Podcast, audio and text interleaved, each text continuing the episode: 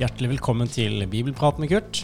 Her sitter jeg som vanlig, Johannes Vålandsmyr, sammen med Kurt Hjemdal. Vi er godt i gang med Johannes evangeliet, og vi er nå i andre del av kapittel 7. Da skal vi starte i vers 37. Så kan du følge med hvis du har Bibelen foran deg. Eh, Kurt, vi har fått vite i begynnelsen av kapittel 7 at det er løvehyttefest. Jesus er i, Jerusalem. Eh, og det har vært en del oppstyr, det har vært en del diskusjon og, og konfrontasjon egentlig også. Eh, og så får vi vite at på den siste dagen i høytiden, den store festdagen, sto Jesus fram og ropte. En får litt sånn følelse av at nå, nå kommer det noe viktig her. Helt riktig. Og det gjør det. Da kommer noe veldig viktig. For da kommer Jesus med noen ord, eh, noen ganske kjente ord, eh, fantastiske ord. Den som tørster, skal komme til meg og drikke, og den som tror på meg, fra hans indre skal det, som Skriften sier, renne elver av levende vann. Og så kommenterer eh, Johannes dette sa han om ånden de som trodde på ham, skulle få.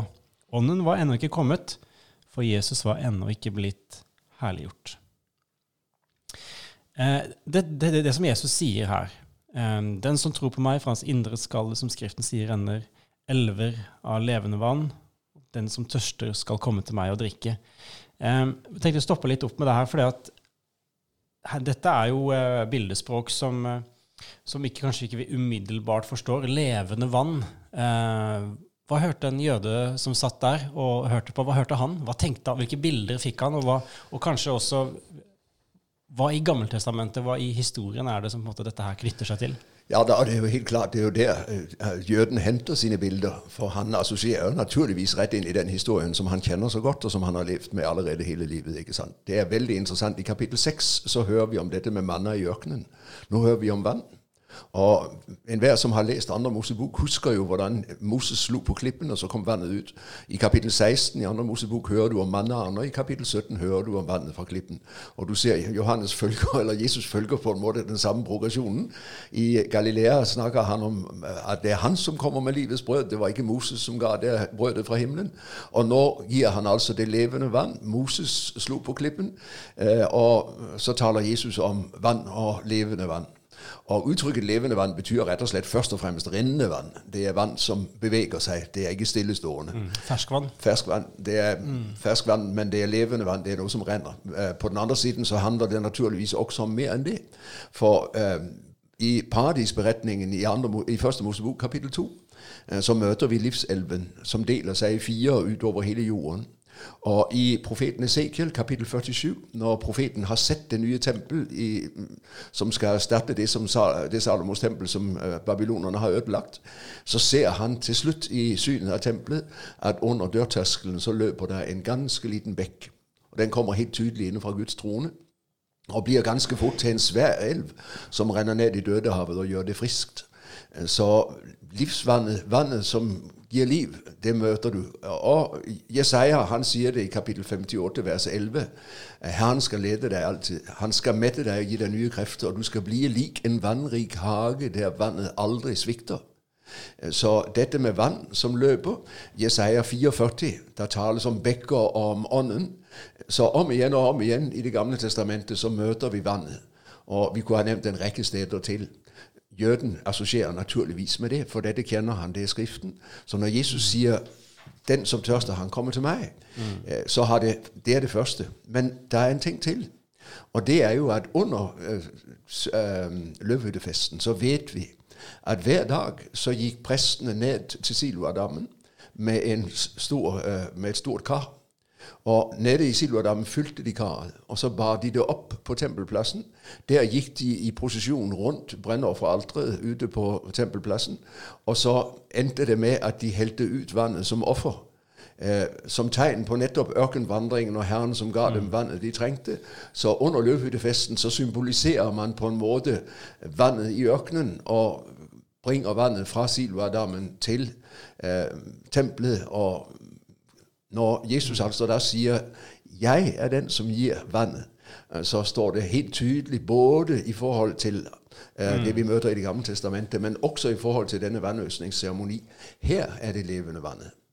Og der er spørsmålet når det står den siste, den store dag i høytiden, er det da den syvende eller den åttende dagen? Mm. For løvehyttefesten var i syv dager, men når du leser om den i tredje Mosebok, så fortelles det at den åttende dag skal være en spesiell festdag i forlengelse av løvehyttefesten. Så er det den syvende eller åttende dag? Det er i og for seg umulig å vite. Men på den siste, den store dag, så kan det tyde på at det er den åttende dagen. ikke sant? Mm. Den åttende dagen, det vet vi jo i neste omgang, det er oppstand, altså oppstandelsesdagen. Dagen etter sabbaten. Mm. På den siste, den store dagen i høytiden, da kom han med det levende vann. Ut av mm. graven kom mm. den levende frelser for å dele livets vann med oss. ikke sant? Mm. Og det er jo veldig interessant, for allerede i Det gamle testamentet så er vann et bilde på ånd. Og, og, det vi møter her, det er jo at dette sa han om den ånd de skulle få som trodde på ham. Eh, så er det også spennende, fordi du kan lese vers 37 eh, slik Den som tørster, skal komme til meg eh, og drikke, og det er den som tror på meg. Og fra hans indre skal det. Er det Jesu indre, eller er det den troendes indre? Eh, det fortolkerne lander ned på, det er at man setter punktum i, der hvor det er satt nå i vår bibeloversettelse. Mm. 'Den som tørster, skal komme til meg og drikke'. Men det står ikke noe punktum i grunnteksten. vet du. Nei. Og dermed så blir det altså den troende som blir kilden med et levende vann. Dvs. Si, eh, nei, ikke kilden, men fordi han drikker hos Jesus, mm. så velger det levende vann frem mm. fra ham. ikke sant? Så det er et ord om at der hvor Ånden kommer til og fyller, der vil det sette preg på den som mm. bærer Ånden, og så vil han føde velsignelse. Mm.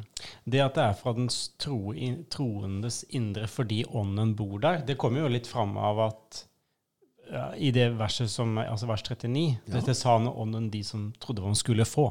Og Derfor velger man mm. også den oversettelsen som er mm. brukt. At det er altså Jesus som er kilden, men der hvor man drikker hos ham, der blir det til en kilde mm. som veller frem til evig liv. ikke sant? Mm. Slik som Jesus også sa det til den samaritanske kvinnen for øvrig. Jeg bare tenker på det her bildet som går igjen her med, med ørkenvandringen. Altså Jesus, Messias, den, den, nye Moses, den som skulle lede folket ut fra slaveri og inn i det lovede land. Og så bruker Jesus bildene her med med mannen, med, med, klippen som eh, brister og gir, og gir vann. Også i kapittel 8 så snakker han om at han er verdens lys. og da jeg vet ikke om det blir litt søkt, men om det går an å tenke da på denne her ildsøylen som viste ja, de vei? Ja, det er ikke søkt i det hele tatt. Det er helt klart at Gud åpenbarer seg i lys i Det gamle testamentet om igjen og om igjen. Vi skal komme til det i kapittel 8. Så da i Johannes evangelisten og Jesus her, til sammen så viser de jo da på en måte hvordan han er den nye Moses som viser de veien inn i det lovede land. Ut av slaveriet og inn i det lovede land. Mye større enn Moses så løser han mennesker ikke bare fra Egypt, men fra synden og djevelen, og fører dem inn i løftets eh, herlige land, i det evige liv. ikke sant? Mm. Så det er helt riktig, og det er veldig interessant, for her ligger jo altså andre Mosebok som symbolikk og, og som kilde bak. ikke sant? Jesus mm, kommer mm. som oppfyllelsen. Og Det bekrefter en gang til at hele Det nye testamentet vokser ut av Det gamle testamentet. Og ikke kjenne Det gamle testamentet gjør at du mangler referanserammen for å forstå det Johannes og det Jesus sier. ikke sant? For Jesus han oppfyller nettopp det som står i Det gamle testamentet. Dette her gjør tydeligvis veldig inntrykk på folk, det Jesus sier her. Og de, de, de skjønner Eller skjønner og skjønner samtidig ikke. Men eh, de skjønner bildene Jesus bruker, og de blir begeistra. Og, eh, eh, og det står at da tok noen til ordet. Dette må være profeten. Nei, det er Messias, sa andre. Eh, om du bare går kjapt eh, For dette her knytter til ulike profetier om hvem som skulle komme før Messias skulle komme. Vi igjen tilbake i Det gamle testamentet. Profeten, det er 5. Mosebok, kapittel 18. Eh, det skal komme en annen profet enn meg, sier Moses. På ham skal dere høre. Mm. Og det har, Jesus, eller det har Gud sitert for Jesus og de tre disiplene som er med ham på forlatelsens mm. berg. For der sier Gud fra skyen eh, dette er min sønn den elskede, hør ham. Det er sitat fra 5. Uh, Mosebok 1815. Mm. Og, og, det er det Jesus her, eller det er det folket her knytter til. De venter en ny stor profet, for det har Moses sagt. Og de har ikke knyttet sammen Moses uh, løfter om profeten og Messias. Eh, men Jesus er jo både profeten og Messias. ikke sant? Men mm. Messias det er jo Davids sønnen.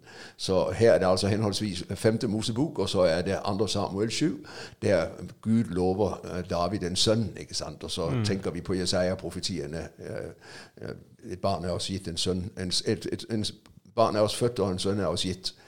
Så man beveger seg mellom forskjellige skriftord, men altså tenker kan han være Messias, kan han mm, være den mm. lovede profet?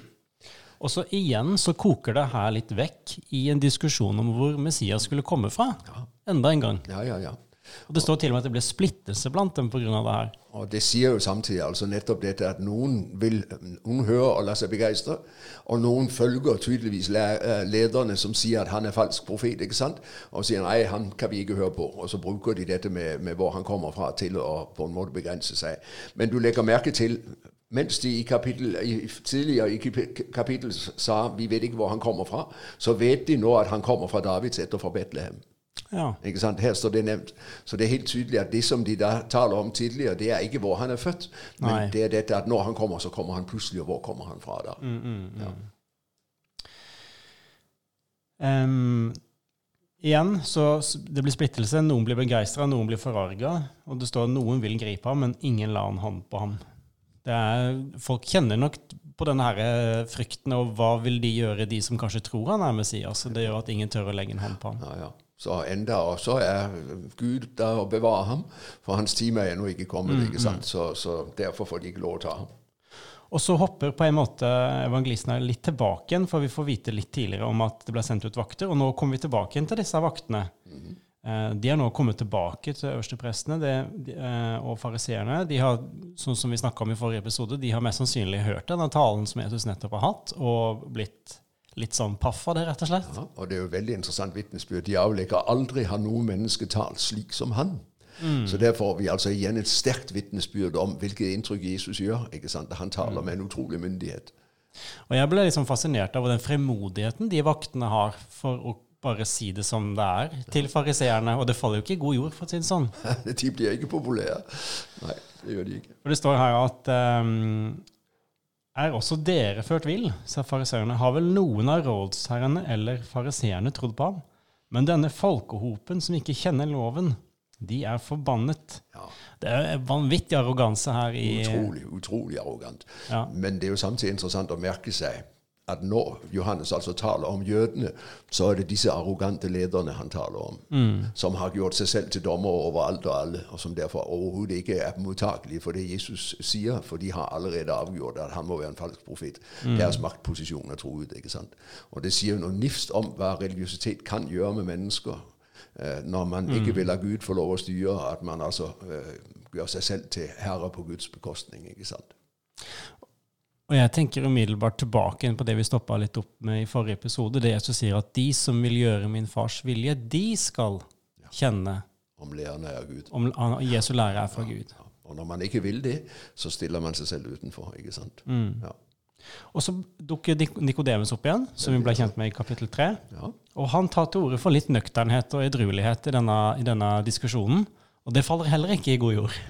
Det er helt tydelig at her har man bestemt seg. Og, man, mottar, man, tar ikke imot uh, motargumenter og, motsigelse. Så, så lederskapet utviser jo også på den måten arroganse at selv en av deres egne han blir bare avvist, blåst av banen. Mm. ikke sant? For her har man bestemt seg. Mm. Nikodemus sier loven vår dømmer vel ikke et menneske uten forhør før en har fått vite hva han har gjort. For det, det, meste her er jo basert på rykter. Ja, ja, ja. Ja, ja. Eh, og, det altså, Når man omsider kommer så langt, så prøver man jo å føre vitner, men de klarer aldri å bli enige om mm, noe som mm. helst, så det faller jo igjennom. Men, men det er jo interessant at Nikodemus altså tydeligvis har mottatt et så positivt inntrykk at han er med til å forsvare Jesus. Mm. Eh, han gjør det ved å vise til rettsreglene, men, men, han stiller seg altså på en måte på deres side som tar Jesus i forsvar. Og det er jo positivt. Vi møter ham igjen ved Jesu grav. ikke sant? Så han utvikler helt tydelig en positiv uh, holdning som vel etter hvert må sies å bli til tro. Mm, mm. Og enda en gang så stopper det her opp i eh, diskusjon om hvor Messias skal komme fra. Han sier, han her fariseeren som leder ordet, Gransk Skriftene, så vil du se at ingen profet kommer ifra Galilea. Ja. Og Der sitter man altså fast i uvitenhet, for Jesus var født i Betlehem. Men det har man ikke fått med seg. Så, så, dermed så bruker man altså hans bakgrunn fra Nasaret som argument mot ham ikke sant, til å holde ham unna. Jeg tror vi setter en strek der. Da ble vi ferdig med, Det ble dette en litt kort episode, men da er vi ferdig med, med kapittel sju.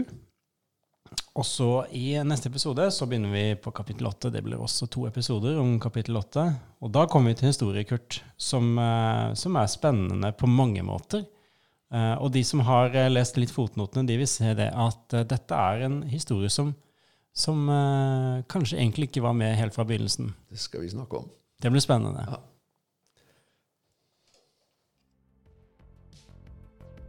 Hvis du syns denne podkasten var spennende og lærerik, må du gjerne fortelle om den til andre, sånn at flere òg kan få glede av den. Og hvis du har mulighet, må du gjerne gi en gave til Nordmisjon Agder sitt arbeid f.eks.